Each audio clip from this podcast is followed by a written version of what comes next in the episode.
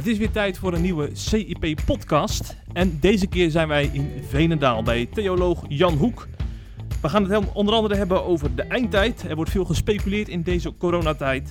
Uh, is het nog wel een teken van de wederkomst? We gaan het ook hebben over de Griffmiddenkerken vrijgemaakt. Want daar is een hoogleraar opgestapt om een bijzondere reden. En we sluiten deze podcast af met de Griffmidden gemeente, waar vorige week twee studenten zijn toegelaten tot de theologische school. En dat zorgt nog wel voor wat reuring en wij gaan bespreken waar het vandaan komt.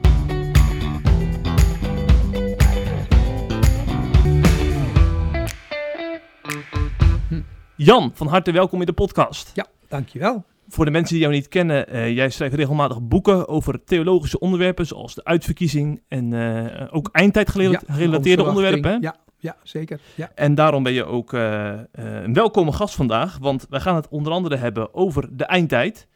Uh, sommige mensen die denken dan gelijk, hebben ze dan over het einde van de dag, hè, vijf uur, want dan gaan we altijd weer van werk naar huis. Maar in, in, christelijke kringen is eindtijd een heel bekend begrip, hè? Ja, dan gaat het echt over de laatste periode van de wereldgeschiedenis. Ja. Hè, vlak voor wat we dan noemen de jongste dag. Dat is de, de laatste dag van de geschiedenis als Jezus wederkomt. Precies. Ja. Ja, daar gaan we zo even op door, want uh, er is wat over te zeggen. Zeker. Maar we beginnen met onze vaste rubriek. En dat is de ergernis van de week.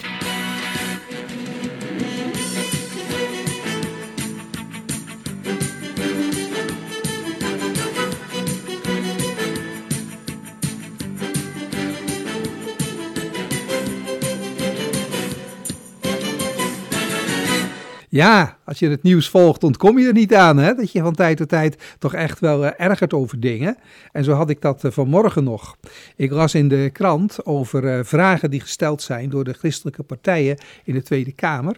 Uh, die trokken daarin uh, met z'n drieën samen op, hè, CDA en SGP en ChristenUnie. Met vragen van, moet de regering zich niet actiever bemoeien met de christenvervolging? Hè? Daar meer op inspringen en daar niet zo lauw tegenover staan. En wat je dan direct ziet is de, de politisering van de dingen. Dat hè, dan onmiddellijk andere partijen zeggen van ja, maar we gaan de christen niet als aparte categorie behandelen. Dan weten we er ook nog wel een paar. Terwijl er dan niet uh, de, uh, ja, de ruimte is om, om werkelijk stil te staan bij de ernst van de zaak. Dat we echt zien dat er een, uh, een verheviging is van de vervolging van christenen op heel veel plaatsen in de wereld. En dus ik, ik, ik erger me daaraan dat het in de Kamer zo gepolariseerd en gepolitiseerd is, dat dat als, als onderwerp nauwelijks echt aandacht krijgt bij verschillende partijen, omdat die dan onmiddellijk weer andere categorieën naar voren brengen. Ja. Want om de ernst van de zaak nog even toe te lichten, in totaal worden er 340 miljoen christenen wereldwijd vervolgd ja, om, om hun geloof. Onvoorstelbaar Afgelopen veel. zondag was het ook daarom zondag van de vervolgde kerken, om Ja. daarbij stil te staan Ja, in de kerken. Inderdaad. Maar ja. in de Kamer is er wat minder eh aandacht voor, in die dan- zin. Ja, dan zie je dat echt, dan moet het echt van de eh, expliciete christelijke partijen komen. En dan is er nauwelijks eh, gehoor bij de andere partijen. Ja. Maar heb je er nou een verklaring voor? We zouden toch zeggen, ook bijvoorbeeld D66 moet dat toch ook erg vinden dat er miljoenen mensen vervolgd worden in de, in de wereld?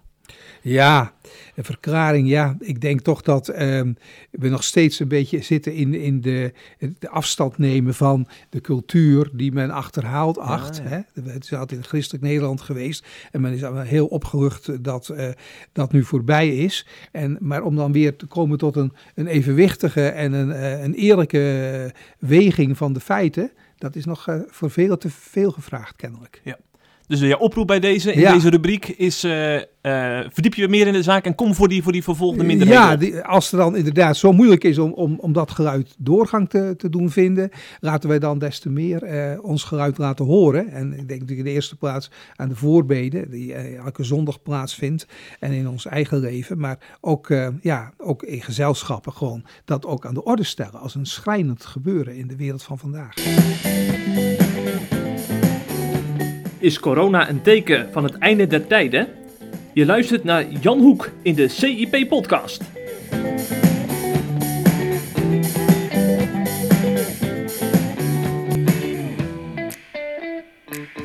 Zeg, wij eh, gaan naar eh, onze items toe. En ehm, ja, het is niet echt een nieuwsitem. Er is eenmaal eh, weinig nieuws deze weken. Dus daarom hebben we ook de gelegenheid om ons wat te verdiepen in eh, wat tijdlozere onderwerpen. En dat is bijvoorbeeld een eh, onderwerp als de eindtijd, die al sinds het begin van de corona een item is in bepaalde kringen. Ja.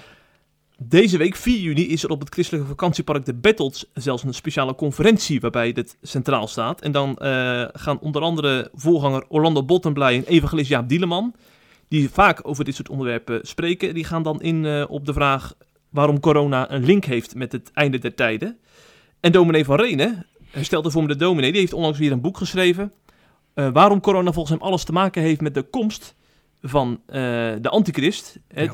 Die kennen wij in christelijk Nederland ook wel. Voor de mensen die daar niet bekend mee zijn, de antichrist. Ja, nou je ziet dat uh, er door de eeuwen heen natuurlijk uh, grote tegenstand is tegen God, de levende God en het woord van God. En dan wordt er ge gezegd in de, in de Bijbel, op verschillende plaatsen, dat helemaal tegen het eind van de geschiedenis, dan komt die tegenstand als het ware tot een hoogtepunt. Hè, dat, dat culmineert in één figuur, ja. die de antichrist. En anti betekent zowel in de plaats van als tegen. Dus dat is de figuur die zich in plaats van Christus stelt, maar die ook alle macht uh, wil uh, mobiliseren uh, tegen de kerk. Mm -hmm. Ja, daar gaan we zo nog even op door. Aan aanleiding van de uitspraak dus van die dominee van Renen. Maar we gaan eerst beginnen. We gaan drie uitspraken doornemen. We beginnen eerst met de uitspraak van Orlando Bottenblij. Want die hebben we aan het begin van de crisis geïnterviewd. Die heeft toen mm -hmm. een serie gehouden over corona en de eindtijd. En toen zei hij het volgende. Uh, nadat Jezus de discipelen meedeelde dat de tempel zal worden afgebroken, stelde zij twee concrete vragen. Wanneer zullen deze dingen gebeuren? En wat is het teken van uw komst en van de voleinding van de wereld? Ik raakte diep onder de indruk van Jezus' antwoord, zei Bottenblij.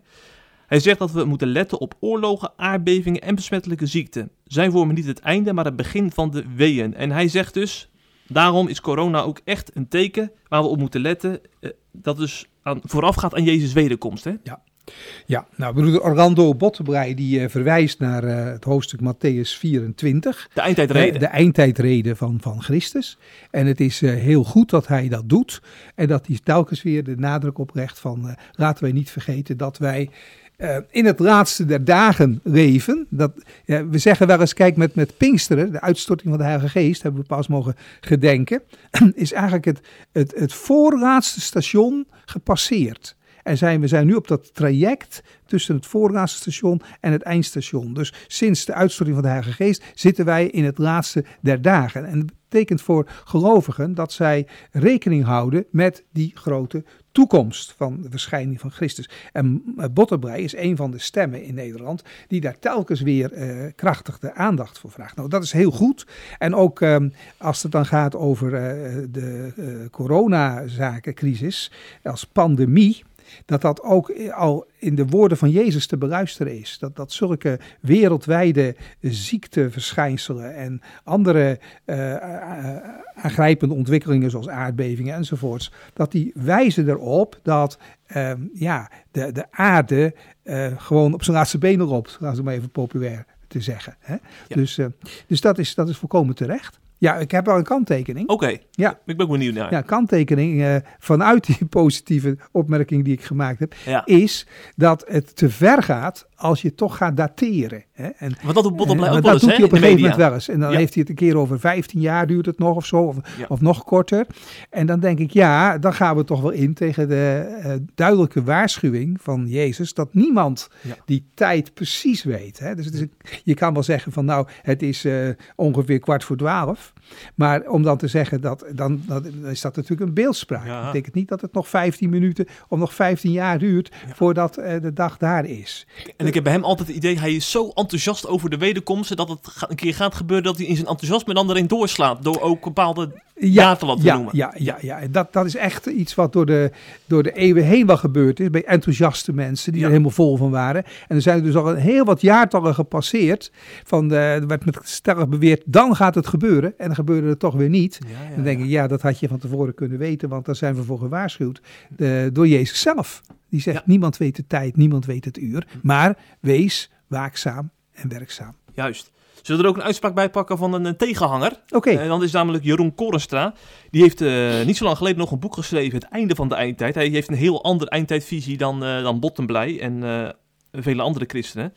hij zegt bijvoorbeeld hierover, over het gedeelte waar we het over hebben... Jezus had in zijn profetie zijn eigen generatie op het oog. De aanleiding van Jezus' profetie was de aanstaande verwoesting van de tempel. Hè, dat gebeurde in het jaar 70 na Christus. Het einde waar Jezus Christus op wees was het einde van het oude verbond, waarbij zowel Jeruzalem als de tempel vertrapt zouden worden. Dus hij zegt eigenlijk, we moeten niet naar deze tijd uh, Hm. koppelen, die Ja. reden. Precies. Nou, dan heeft eh Korenstra, die heeft ook weer een punt. Ja. Want eh, als je dat zorgvuldig gaat lezen, dan eh, zie je dat in die woorden die Jezus spreekt, wel degelijk ook dat die catastrofe van het jaar 70, hè, toen de stad Jeruzalem door de Romeinen verwoest is, daar wordt aangekondigd. En er zijn ook allerlei eh, eh, details in de woorden van Jezus die ook op die situatie wijzen. Hè. Bijvoorbeeld eh, dat je niet een snel boven op het dak nog iets moet gaan pakken, want je wordt overrompeld door de gebeurtenis. Je moet zo snel mogelijk vluchten. Nou, dat is ook de, gewoon de entourage van de, de Oosterse situatie in, in die tijd. Dus er zit wel degelijk een punt in wat, wat Korenstra zegt van het gaat over het jaar 70. Maar eh, dan schiet hij ook weer door naar een juist de andere kant. Hè? Want eh, ik, wil citeren versen 30 en 31 van eh, Matthäus 24. Daar staat, dan zal aan de hemel het teken van de Zoon des Mensen verschijnen. En dan zullen al de stammen van de aarde rouw bedrijven. En hij zal zijn engelen uitzenden onder bezuingeschal. Ze zullen zijn uitverkoren bijeenbrengen te vier windstreken. Het gaat heel duidelijk over de laatste dag. Dus eh, je ziet eigenlijk zijn er twee dia's die over elkaar heen geprojecteerd worden. Enerzijds dichtbij voor de mensen die het hoorden over enkele decennia het jaar 70. En anderzijds het einde van de wereldgeschiedenis. En eh, ja, het is jammer dat Korenstra dan ook weer eenzijdig met, eh, met die ene kant eh er vandoor gaat. Ja, ja, want dat valt me vaak op in, zeg maar, in het publieke debat eh, op, onze, op onze site ook hierover. Want Ja. je hebt vaak heb je een groep die alles betrekt op, eh, op zeg maar, de tijd waarin wij leven. Ja, en dan ja. heb je ook een groep waar Joro Koorstad op behoort. Die zegt alles, die behoort alles tot de eerste eeuw, zeg maar. Hè? Ja, het jaar ja, 70 na ja, Christus. Ja, dat zie je inderdaad vaak gebeuren. Ja. Terwijl het kenmerkend is voor profetie. Hè, dat is ook, zijn ook profetische woorden, Matthäus 24, maar ook de profetieën in het Oude Testament. Je zegt, ja, zijn die nou vervuld of zijn ze niet vervuld? En dan is het heel vaak, ze zijn ten dele vervuld, maar nog niet ten volle vervuld. Hè? Ja, Dus ja. Die, die, die, die, die verschillende dimensies die zitten erin, die verschillende lagen zitten er in de profetie. Hm, hm, hm. Ja. Eh, maakt het in die zin wel complex voor mensen die nou echt willen weten waar ze aan toe zijn. Hè? Ja. Want dat is, daar kom je dan nooit uit. Ja, nou, je komt er wel uit, waarbij je moet zorgvuldig luisteren. dat is een punt. Ja. ja. Eh, en als je zorgvuldig luistert, kun je misschien ook wel eh, het boek van dominee van Renen lezen. Ja. Die eh, hierover geschreven heeft. We hebben dat net al eventjes over de antichrist. Eh, jij verwoordde wat, wat we daar nou mee bedoelen in onze, in onze Ja. eh, Ja. kringen. Ja. Ja. En eh Van Renen, die heeft in eh, een, een artikel op CIP eind vorig jaar uitgelegd in zes redenen waarom corona volgens hem alles te maken heeft met die aanstaande komst hè, van, Hmm. de, van de, de grote tegenstander Ja. van Christus. Ja. En daar wil ik ook even een citaatje uitpakken. Hij zei onder andere... eh, de neiging tot risicomijding heeft een grotere invloed dan alleen op onderlinge sociale contact. Hè. Daar hebben we het over de Mhm. anderhalve meter afstand bijvoorbeeld. Wie coronamaatregelen durft te bekritiseren of zelfs maar te bevragen, wordt gezien als een bedreiging voor de volksgezondheid en dus de maatschappij. Onze neiging tot risicomijding zorgt voor een verandering van karakter. Het maakt volgzaam. En als er iemand is die zegt dat we wat we doen, eh, als er iemand is die zegt wat we moeten doen, laten we dat maar doen. Want anders weten we ook niet meer waar, waar we goed aan doen. Dan is die volgzaamheid vervolgens een perfect uitgangspunt voor een toekomstig wereldleider. Dus hij zegt, wat we nu zien in coronatijd. dus eigenlijk zou dat een, een soort eh, eh, ontwikkeling naar, naar het antichrist-tijdperk kunnen noemen. Waarin we volgzaam worden. Ja. En eh blind worden eigenlijk. Ik begin maar weer, eh, en, van harte ook, met, eh, met instemming. Namelijk met het punt dat eh dominee van Renen aandacht vraagt voor ja, die figuur van de antichrist. Want Ja. die wordt toch echt een aantal keren genoemd, eh, wel onder verschillende aanduidingen in het Nieuwe Testament. De mens van de wetteloosheid of het beest uit de afgrond. Maar je, je ziet gewoon in het algemeen in de theologische literatuur dat daar niet zoveel aandacht aan besteed wordt. Dus het is goed dat hij dat doet. Het is ook goed dat hij actuele lijnen trekt. En wat ik bijvoorbeeld ook eh, met hem eens ben, dat is dat je ziet van er is een, eh, toename, toenemende controle van de kant van de overheid. Je ziet het natuurlijk volop in, in China en met alle camera's en met alle registratiesystemen. Maar ook de coronacrisis kan dat eh, stimuleren dat er steeds meer, dat steeds meer al onze wegen en gangen worden nagegaan door de overheid. En dat is natuurlijk een, een prima instrument instrument voor een dictator die eh, alles eh, onder repressie wil brengen. En zo'n dictator zou dan de antichrist zijn. Dus eh, er zijn wel degelijk samenhangen. Ja, ja. Dus wat dat betreft, dat is dan de, ga ik, ga positieve ik, noot, daar ga ik in mee. Ja, Ja. ja, ja. Maar ja, Maar ik voel ook weer een het kanttekening. kan weer niet uitblijven. Ja, ja. Toch ook een kanttekening. En Zeker. een duidelijke kanttekening. Want ik vind dat hij eh, wel overdrijft. Hij zegt dan inderdaad, eh, je hebt het net geciteerd, van je mag die coronamaatregelen niet bekritiseren of zelfs maar bevragen. Nou, Ja. we hebben gelukkig een eh, democratisch gekozen parlement waar de regering voortdurend wordt bevraagd op de maatregelen. Het is een zoeken en een tasten, zeker in het begin van de crisis, van wat, eh, wat is de beste aanpak. Er worden natuurlijk, er zijn ook fouten bij gemaakt, maar je kan niet zeggen dat ja, eh, ministers als eh, Rutte of de Jonge en zo, maar kritiekloos hun gang kunnen gaan. Want ze worden voortdurend worden ze, tot de orde geroepen en gecontroleerd in het parlement. Laten we daar toch alsjeblieft heel dankbaar voor zijn. Ik vind soms dat mensen nu te negatief gaan praten over de overheid. De overheid die toch eh, zijn uiterste best doet om eh, de gevolgen van corona te bestrijden. En dan juist, denk ik, ook in de eerste plaats support en voorbeden zou mogen verwachten van de christenen en, en, en van, de, van de kerken. Dus naast die, die waakzaamheid moet je toch niet eh, vergeten dat, wat Paulus ook geschreven heeft in Romeinen 13, dat de overheid een dienares van God is, ons ten goede. En waar we dat zien, waar we dat zien gebeuren, bijvoorbeeld in de geweldige inzet van een minister als de Jonge, met de fouten die hij ook maakt, maar met de oprechte inzet, dan zeg je nou, laten we daar God voor danken en dat niet steeds weer. eh, Kijk, wat natuurlijk wel een punt is, als mensen gewoon glashard eh, het hele, de hele coronacrisis gaan, gaan ontkennen en zeggen dat we ons niet aan die basismaatregelen hoeven te houden omdat er toch niks aan de hand is, dat vind ik wel degelijk heel kwalijk. En dat vind ik ook bedreigend voor de, voor de maatschappij. Ja. En daar mag dan ook eh, zeker kritiek op worden uitgeoefend. Zeker, ja.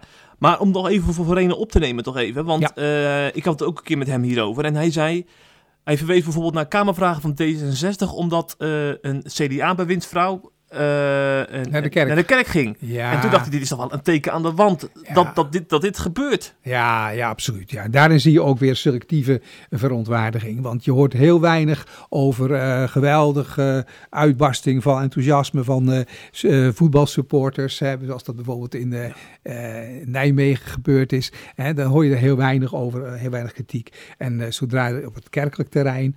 eh, en en dat, dan ben ik ook wel met Van Renen eens dat wij als eh, eh, de, de, de, kerkelijke eh, beleids, de kerkelijke beleidsmakers er ook wel eens wat, wat al te volgzaam. Hè? Ik, Ja. ik vind bijvoorbeeld van rondom dat, dat zingen, dat je dat voorzichtig mee bent met zingen in de kerk, maar de, dat men dat zo rigoureus dan allemaal doet, dat vind ik wel een beetje, beetje al te, te, te ver gaan. En dat hij dan zegt, nou pas nou op dat je ook als kerk ehm, ten, ten opzichte van de overheid je eigenheid verdedigt. Dat je ook niet in een hoekje laat drukken alsof eh, het hele christelijk geloof maar eh, de hobby is van sommige mensen die ze Mhm. makkelijk eventjes eh on hold kunnen zetten. Nou, dat zijn natuurlijk goede dingen die Van Renen naar voren brengt. Daar ben ik blij om. Ja, in die zin kan hij ook daar ons mee wakker schudden. Ja, daar ben ik zeker mee eens. Ja, ja, ja.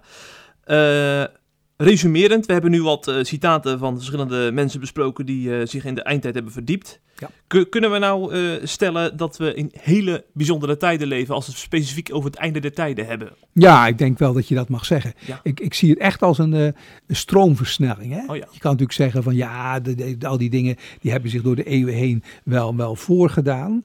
Maar we zien de dingen bij elkaar komen in onze tijd. En eh, ik vind ook altijd ja, dat, dat heel die planeet aarde toch ook kreunend en steunend is. En, Klimaatverandering bijvoorbeeld, ja, dat soort zaken. Hoe lang kan dat nog doorgaan? Ja. Hè? Dat is, eh, dus eh, ja, de dingen verhevigen. En dat betekent dat eh, we duidelijke signalen hebben van de, de tijd is nabij. Ja. En dan is natuurlijk de uitdaging om ons niet, eh, niet te verzuipen in allerlei verschillende theorieën Precies. op Ja. het internet, maar om Ja. vooral onze ogen gericht te houden Ja, op die koning. Ja, hè? ja, Ja. op de koning die komt. En laten we daarin ook de eenheid vinden. Hè? Want we kunnen soms al te fel elkaar gaan bestrijden over interpretaties en invullingen van de dingen. Hè, we hebben nu ook eh, dingen besproken eh, met nuances. En, en dan zeg ik, nou, het zijn broeders, eh Botterbrei en Korenstra, en Van Renen. En ik wil me graag naast hen stellen en met hen in gesprek zijn. En ik hoop dat er zo een eenheid is eh, door allerlei kerkmuren heen in de verwachting van de komende Christus. Mooi bruggetje naar het volgende onderwerp. Want over eenheid gesproken, dat is natuurlijk ook nodig in de gereformeerde kerken vrijgemaakt. Daar is de laatste jaren zijn er heel veel ontwikkelingen gaande.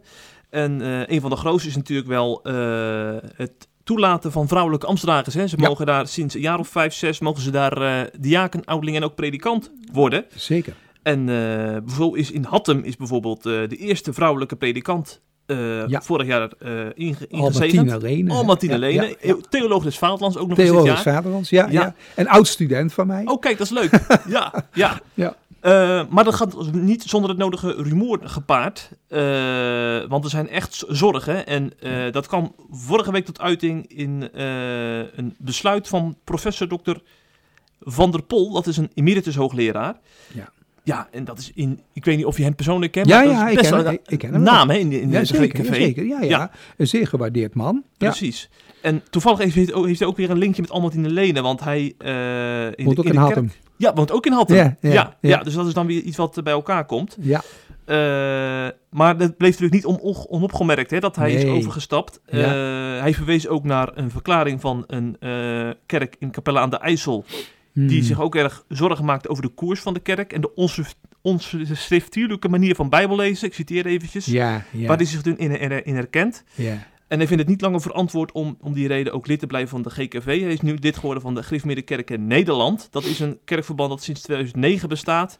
En met name uit verontruste voormalige GKV-predikanten eh, bestaat. Die hebben dus een afs- afsplitsing eh, eh, zijn ze begonnen. Ja. Waar hij nu ook bij hoort met zijn vrouw. Ja. Allereerst toch wel heel erg triest dat dit, Ja. dit gebeurt in kerkelijk Ja, Nederland. Hè? ja, zeer triest. Ja, de ontwikkelingen gaan natuurlijk zo razendsnel in de gereformeerde kerken vrijgemaakt. Ja. Als je dat eh, wat langer hebt, hebt, gevolgd, dan zie je echt een heel gesloten bastion. Hè, van, eh, ik vond het in de tijd ook altijd wel eh, goed dat, dat er een zeer helder geluid klonk vanuit kampen. Met professor Dauma bijvoorbeeld op ethisch gebied. Maar het leek wel alsof he- verder helemaal geen, geen vragen meer waren. En men had het helemaal uitgekristalliseerd. En dit is de ware kerk. Hij had echt een eigen cel hè, in, in die jaren ja, ook. Ja, heel sterk geponeerd. Van, nou, wij, wij hebben toch wel bij het rechte eind. En we hebben het gereformeerd allemaal tot in de puntjes eh, op de i voor elkaar. En dan zie je nu zo'n geweldige verandering. Daar kan je natuurlijk ook allerlei genuanceerde dingen over zeggen. Maar in elk geval begrijp ik dat dat voor heel veel kerkgangers, heel veel levende kerkleden, haast te veel is om te behappen. En nou ja, eh, professor Dauma was een grote naam. Die heeft ook eh, kort voor, eh, enkele jaren voor zijn overlijden, heeft hij die stap gemaakt om de gereformeerde kerken vrijgemaakt te verlaten. En nu dus professor Frans van der Pol, die ja, eh, heel, heel wat jaren hoogleraar is geweest in Kamp. En natuurlijk een centrale plek ook heeft ingenomen. Dus ja, dat is, dat is eh, best aangrijpend. Ja, ja, zeker. Ehm, wat, wat, heeft het eigenlijk, wat zegt het eigenlijk dat zo'n toonaangevende man als Van der Pol de GKV verlaat? En wat, wat, wat, wat, wat heeft het ons te zeggen, zeg maar? Ja, nou ja, ehm, eh, kijk, het is natuurlijk eh, die kwestie van de vrouw in het ambt is de, de druppel die de emmer doet Ja. overlopen. Want er is al jarenlang is er binnen zo'n kerk een bepaalde onderlinge vervreemding gekomen in, in het punt van de spiritualiteit ook. Mensen die, eh, ja, die, die horen dat er anders gepreekt wordt dan vroeger. Hè? En ze, ze kunnen het niet altijd, van de pol wel, maar de gemiddelde kerkganger kan het niet altijd precies benoemen. En, maar er is veel aan de hand. Dus ehm, ja, dat heeft ons, eh, ons te zeggen ehm, dat ehm, wanneer er ontzettend snelle ontwikkelingen zijn, dat er, ook, eh, dat er ook ongelukken gebeuren. En dat het heel moeilijk is om dan met, naar elkaar om te blijven zien. De verschillende Ja. flanken, hè, de, de koplopers en de staart, om die bij elkaar te houden. Wat dat, dat betreft vraag ik ook om veel wijsheid van de, Ja. eh, de hoge heren van de GKV. Ja. Van, eh, als je zo'n besluit neemt, Ja. hoe communiceer je dat? In Ja. welk tempo ga je dat allemaal eh ja, ja, precies. Nou ja, toelaten? Als je dat zo zegt, ja, in de tijd zaten we daar ook al mee. Ik ben zelf van, eh, van hervormde afkomst, Nederlandse hervormde kerk. En je, ja, we hadden natuurlijk het samen op wegproces Oh met ja, eh, 2004. de ge- ja, 2004 Ja. met de gereformeerde kerken in Nederland, oftewel de synodaal gereformeerden. En toen was er dus het groot verschil tussen die twee kerkgenootschappen. Dat de hervormde kerk die kende altijd eh, stromingen, modaliteiten, hè, richtingen, die ja, als een soort ges- gescheiden compartimenten toch onder dat ene eh, dak eh, samenleefden. En dat gaf ook ruimte om dat te kunnen volhouden. Bij de gereformeerde kerk synodaal was het zo, als er iets ging schuiven, dan schuifde het meteen over de hele linie. En dan waren dus de mensen die niet mee konden, in de tijd met uh, koplopers als Kuitert en zo, die voelden zich totaal in de kou gezet. Um, en ik zie bij de gereformeerde kerk vrijgemaakt toch ook hetzelfde van, men is het eigenlijk kerk omdat men het 100% over alles met elkaar eens is. En zodra dat dan niet meer lukt, dan zie je dat het gaat, gaat breken. Maar je zou wensen dat ook in de gereformeerde kerken vrijgemaakt ruimte is voor verschillende modaliteiten. Ja. Zeg, nou, wij erkennen, we agree to disagree op een aantal punten, bijvoorbeeld de vrouw in het ambt, en zo kunnen we nog een aantal punten noemen. Maar we benoemen ook dat er uh, een bepaalde fundamentele uh, basis is waar we met die verscheidenheid elkaar aanvaarden. Nou, als dat zou gebeuren, dan zou natuurlijk niet die afbrokkeling telkens plaatsvinden. Ja. Maar dan zou ook van de pols een plek eh, binnen een bepaalde vreugel in die gereformeerde kerken kunnen blijven innemen. Mm Ja, en dat voorkomt een heleboel uh, ja. uh, scheuringen en gedoe. Ja. En nu krijg je, gaat, hij weer naar een, dan gaat hij naar een, een klein kerkje aan de rechterkant. Ja goed, waarom ga je dan niet je aansluiten, zou ik zeggen, met alle respect, bij al bestaande kerken. Omdat deze manier ja, de verdeeldheid maar, maar door blijft gaan. En hm. ja, dan zou je toch eerder moeten zoeken van uh, waar is een bestaande gemeenschap van christenen waar ik me thuis bij kan voelen. Ja, maar even voor een leek als ik, want jij bent natuurlijk uh, betrokken bij de PKN, hè? Ja. waar dus wel al die, waar er wel een pluriform kerk zijn mogelijk is. Ja. Waarom nou- kan het daar wel en in de GKV niet? Ja, dat is, dat is er wel een kwestie van uh, hoe het historisch gegroeid is natuurlijk. Hè? Want de gereformeerde kerken vrijgemaakt, die hebben van meet of aan zijn ontstaan in de, uh, tegen het einde van de Tweede Wereldoorlog, in 1944. Maar hebben toen van meet of aan een geweldig uh, front gevormd van, wij zijn het eigenlijk we moeten het in alles met elkaar eens zijn. Ja, Vandaar ook dat er die scheuring kwam in 1967 met de, de Nederlands gereformeerden. Ja. want die waren, ja, wij zeggen eigenlijk toch vrij futiele punten het niet met elkaar eens. En dat bracht een kerkscheiding teweeg, die nu gelukkig dan weer opgeheven uh, gaat worden, omdat die kerken weer bij elkaar komen. Maar uh, het zit er dus uh, vanaf het begin niet in om ook kerk te willen zijn met verschillende vleugels. Maar dat betekent niet dat ik nu sta te juichen over de bestaande situatie in de kerk waartoe ik zelf behoor. Hmm. Want ik vind dat een kerk wel pluriform mag zijn maar niet pluraal. Hè? Ik bedoel, het gaat wel om het geding, om de waarheid. Je kan niet een kerk hebben waar men elkaar op fundamentele punten gewoon tegenspreekt. En dat is natuurlijk de grote nood die wij ervaren in de protestantse kerk in Nederland. Ja, maar je hebt dus een groep die zegt van uh,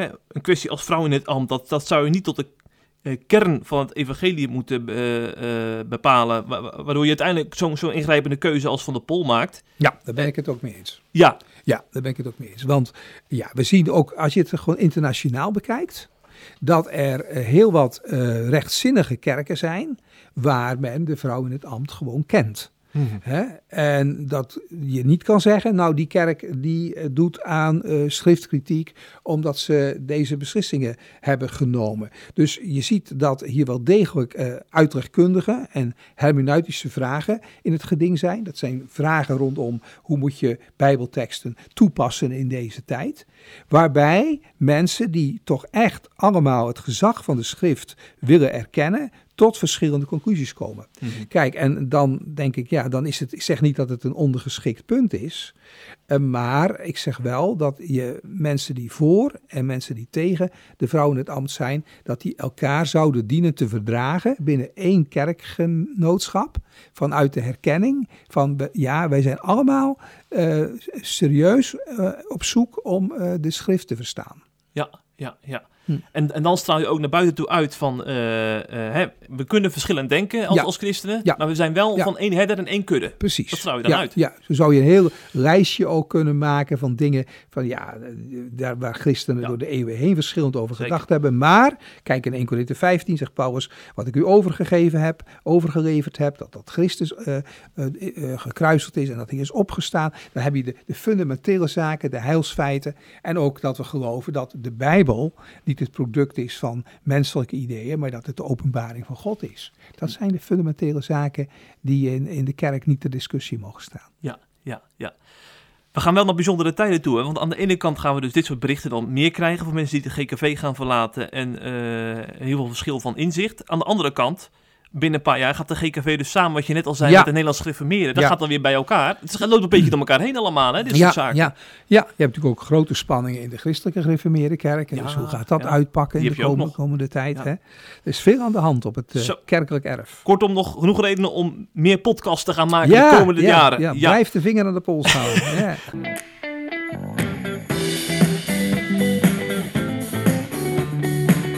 Het laatste nieuws uit christelijk Nederland bespreken we in de CIP-podcast.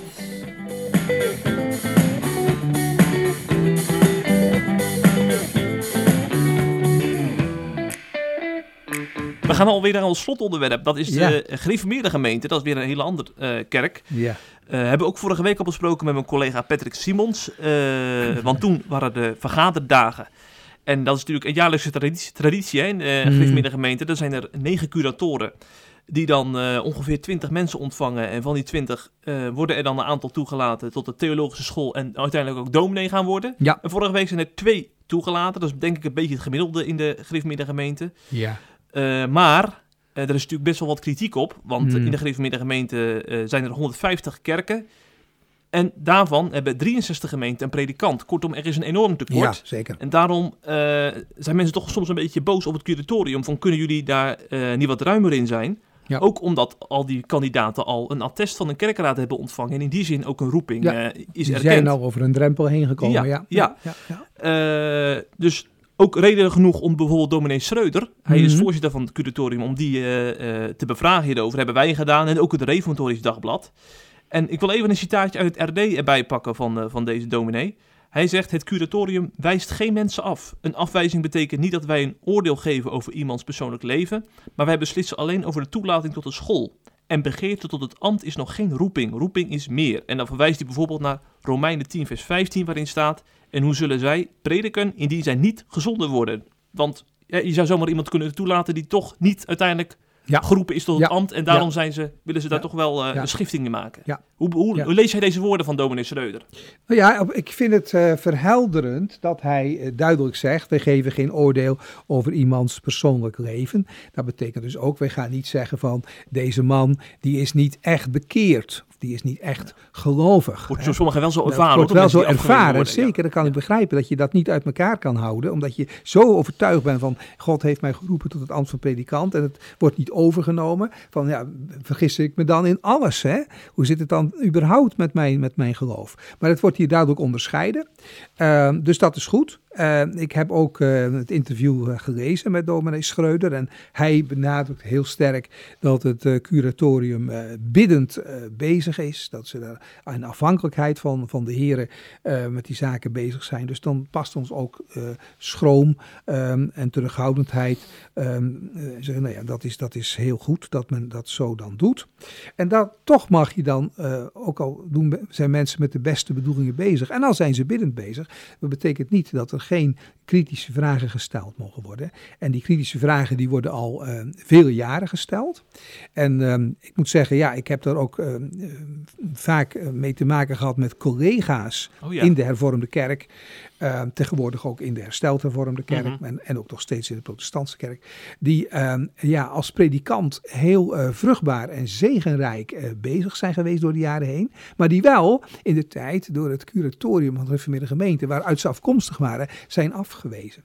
Dus er is gezegd, jij hebt geen roeping tot predikant. De mensen hebben die roeping toch zo ervaren dat ze andere weg hebben gezocht. En die nu al met heel veel vrucht jarenlang vanuit die roeping als predikant werkzaam zijn. En dan vraag ik me wel eens af, zou dat dan nooit aan het denken zetten bij zo'n curatorium? Als ze toch dat voor zich zien, hè? Dat, eh, hè, dat, dat, zo ze dan toch niet zeggen, wat, ja, wat, wat, wat jammer dat, dat die broeder en die broeder, die zo zegenrijk bezig is in de hervormde kerk, dat die niet in ons kerkgenootschap eh, eh, is gebleven omdat wij hem hebben afgewezen. Ik denk eh, dat het goed is dat er gekeken, zorgvuldig gekeken wordt naar eh, wie je voor je hebt als zo'n kandidaat zich meldt. En dat natuurlijk mag je als kerk dan ook je, je, kerkelijke papier op tafel leggen. De gereformeerde gemeente heeft bepaalde besluiten genomen in de tijd rondom de verhouding van verkiezing en verbond. En uh, voldoet zo'n kandidaat eraan? Uh, beweegt hij zich binnen die kaders? Dat mag allemaal gesteld worden. Maar je gaat te ver als je je een oordeel gaat uh, aanmatigen over of zo'n roeping wel, er wel is. Um, je, je, kijk, ik ben bang dat je gaat, gaat oordelen over, over het hart. Ik, ik, ik heb gezitten denken aan uh, bekende passages uit een boek van uh, Wilhelmus A. Brakel. Dat is het boek De Redelijke Godsdienst. En uh, Abrakel is een man van de zogenoemde nadere reformatie die veel gezag heeft, ook in de gereformeerde gemeente.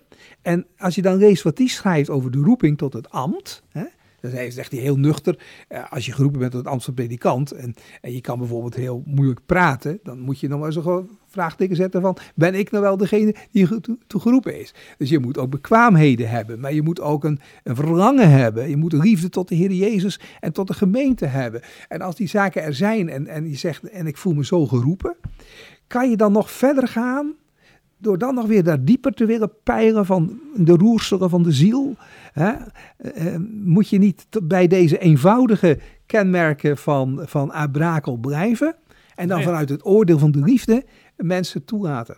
Ja. Want ze gaat het tenslotte ook nog vier jaar lang uh, studie doen. Dus uh, dan mhm. kan je altijd nog kijken van als je onverwachts dingen tegenkomt waar je vraagtekens bij zet. Maar nu zeg je meteen al bij de drempel van ja, we nemen het niet over. Dus het lijkt mij dat dat toch echt ja, dat toch te strak gehanteerd wordt. Ja, ja. Zeg ik als buitenstaander. Ja. En je zei net dat je inderdaad ook uh, bekend bent met collega's die ooit zijn afgewezen en nu dus in bijvoorbeeld in de PKN of herstelde actief zijn. en merk je ook dat die een soort van trauma eraan overgehouden hebben? Nou, dat kan persoonlijk wel eens wat verschillend liggen. Dus hè, eh, ik denk voor de meesten dat ze het wel achter zich gelaten hebben. Het is natuurlijk een heel pijnlijke ervaring geweest. Maar toch ook weer dankbaar dat op een andere weg, uh, andere manier de weg voor hen geopend is. Uh, om dienaar te zijn van het woord. Mm ja, nou ik hoop ook met name voor al die uh, gemeenteleden die al zo lang zonder eigen dominee zitten, ja. dat er uh, dat, en, en ook kritiek hebben, dat ze ook gehoord uh, worden. Hè? Want ik heb ook gehoord, als je eenmaal uh, in, de, in de gereformeerde gemeente zit en je, je bent een beetje kritisch daarop, ja. dat mensen het heel moeilijk vinden om dat te uiten, want ja. uh, dat wordt niet gewaardeerd. Nee, dat wordt niet gewaardeerd. En ja, dan zou je zeker ook als je in zo'n positie bent, dat je voor het curatorium hebt te verschijnen. En je, dan zul je zeker niet kritische uitingen hebben willen doen van nee. tevoren, want dan, ja, dan is de kans al heel gering dat je wordt aangenomen. Ja. ja. Maar goed, er zijn uh, gelukkig uh, toch ook de laatste jaren weer uh, predikanten toegelaten. En je ziet ook her en der dat ook mensen met zegen in de gereformeerde gemeente werken. Dus door alles heen, door alle menselijke toestanden heen, gaat Gods werk ook in de gereformeerde gemeente door. Dat is absoluut. Ja. ja, ja. En wat dat betreft uh, ook mooi dat er dus vorige week uh, twee zijn toegelaten. Ja. Het ging om een, uh, uit mijn hoofd een autoverkoper uit Nunspeet. En ik dacht een accountant uit uh, Kootwijkenbroek. Ja, ja, ja. Dus mooi dat deze twee broeders absoluut. Zeer, zeer daar een gave kunnen inzetten. Ja. ja. Zeg Jan, ik wil je bedanken voor je bijdrage, voor je duiding in deze podcast. Ja, en ik zou alle luisteraars ook willen meegeven, blijf CIP volgen, want je bent daar af en toe nog wel eens te zien, ook in een interview. Ja. En uh, volgens mij komt er ook uh, dit jaar weer een boek uit. Ja. ja, ja, er komt dit jaar een boek uit wat ik geschreven heb samen met mijn collega Mart-Jan Paul. Ja. En dat gaat over uh, het spreken van God. Dat vaak in de Bijbel staat dat God zelf spreekt. En dat dat niet bij wijze van spreken is. Het is niet zo dat mensen denken dat God zo gesproken heeft. Mm -hmm. Nee, God heeft zo gesproken en mensen hebben dat doorgegeven. Ja, Ga je nog allemaal een keer lezen op CIP in de toekomst. Prima. Jan, fijne dag toegewenst. En tegen de luisteraars zou ik zeggen, tot de volgende keer.